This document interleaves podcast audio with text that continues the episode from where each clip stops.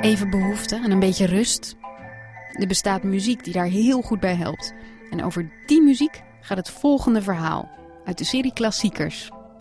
Eerder in dit pakket vond je al twee verhalen uit deze serie en ik heb nog een deel uitgekozen. Over Satie.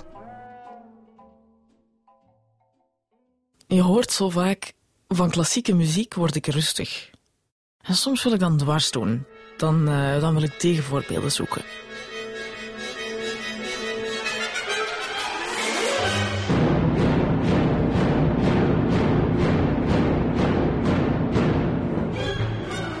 Weet natuurlijk wel wat er bedoeld wordt. Er is van die klassieke muziek die wel gemaakt lijkt om bij te mediteren. En de koning van de rustige klassieke muziek moet toch echt wel Erik Satie zijn.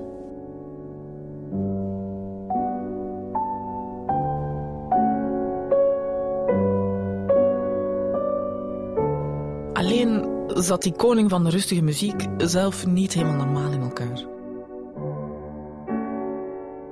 Um, hij had een piepklein kamertje in, in Montmartre in Parijs, 9 vierkante meter. En toch moest hij er zo nodig twee piano's in hebben, bovenop elkaar. Ja, en 100 paraplu's, niemand weet waarom. Hij had ook een kast vol identieke kostuums. En pas als er eentje versleten was, mocht hij een volgend aandoen.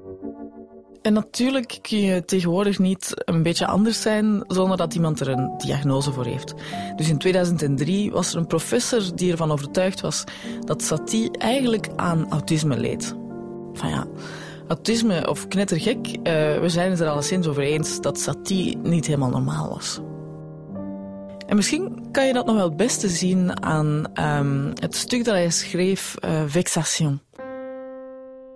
Bij Vexation is er op het eerste zicht niks vreemds aan de hand. De partituur is, is tamelijk kort, een, half blad. Rustige akkoorden, eh, niet te veel, niet te snel. Echt satie. Maar er staat in de bovenhoek um, iets geschreven dat, dat de hele zaak verandert. Om 840 keer na elkaar te spelen. 840 keer. nou, naar gelang hoe traag hoe snel je het stuk speelt, wil dat dus zeggen alles van 18 tot 35 uur. je kunt je wel voorstellen dat het, uh, het stuk niet zo heel vaak wordt opgevoerd. Maar af en toe gebeurt het toch, zo'n zo marathonopvoering. Echt een fysieke uitputtingsslag natuurlijk. Een pianist beschrijft het zo. Na zes uur begint de pijn. Na twaalf uur voel je dat je gek. En na twintig uur ben je in de behalve fysiek is het ook mentaal moeilijk. Er is namelijk iets vreemds aan de hand met het stuk. Concertpianisten die normaal heel de boeken muziek uit hun hoofd kennen, kunnen dit onnozel half blaadje muziek niet onthouden. Ook niet na 500 keer, na 600 keer, zelfs de 840ste keer moeten ze opnieuw naar hun blad kijken. Uh, hoe ging het ook alweer? En dat doet iets met een mens. Als mens probeer je toch altijd ergens de logica van in te zien, de, het patroon te herkennen. En als dat niet lukt, en ook al blijf je proberen, ja, en dan, je wordt er niet goed van. Eén pianist um, gaf het zelfs op na vijf uur spelen, omdat hij last kreeg van verschrikkelijke hallucinaties.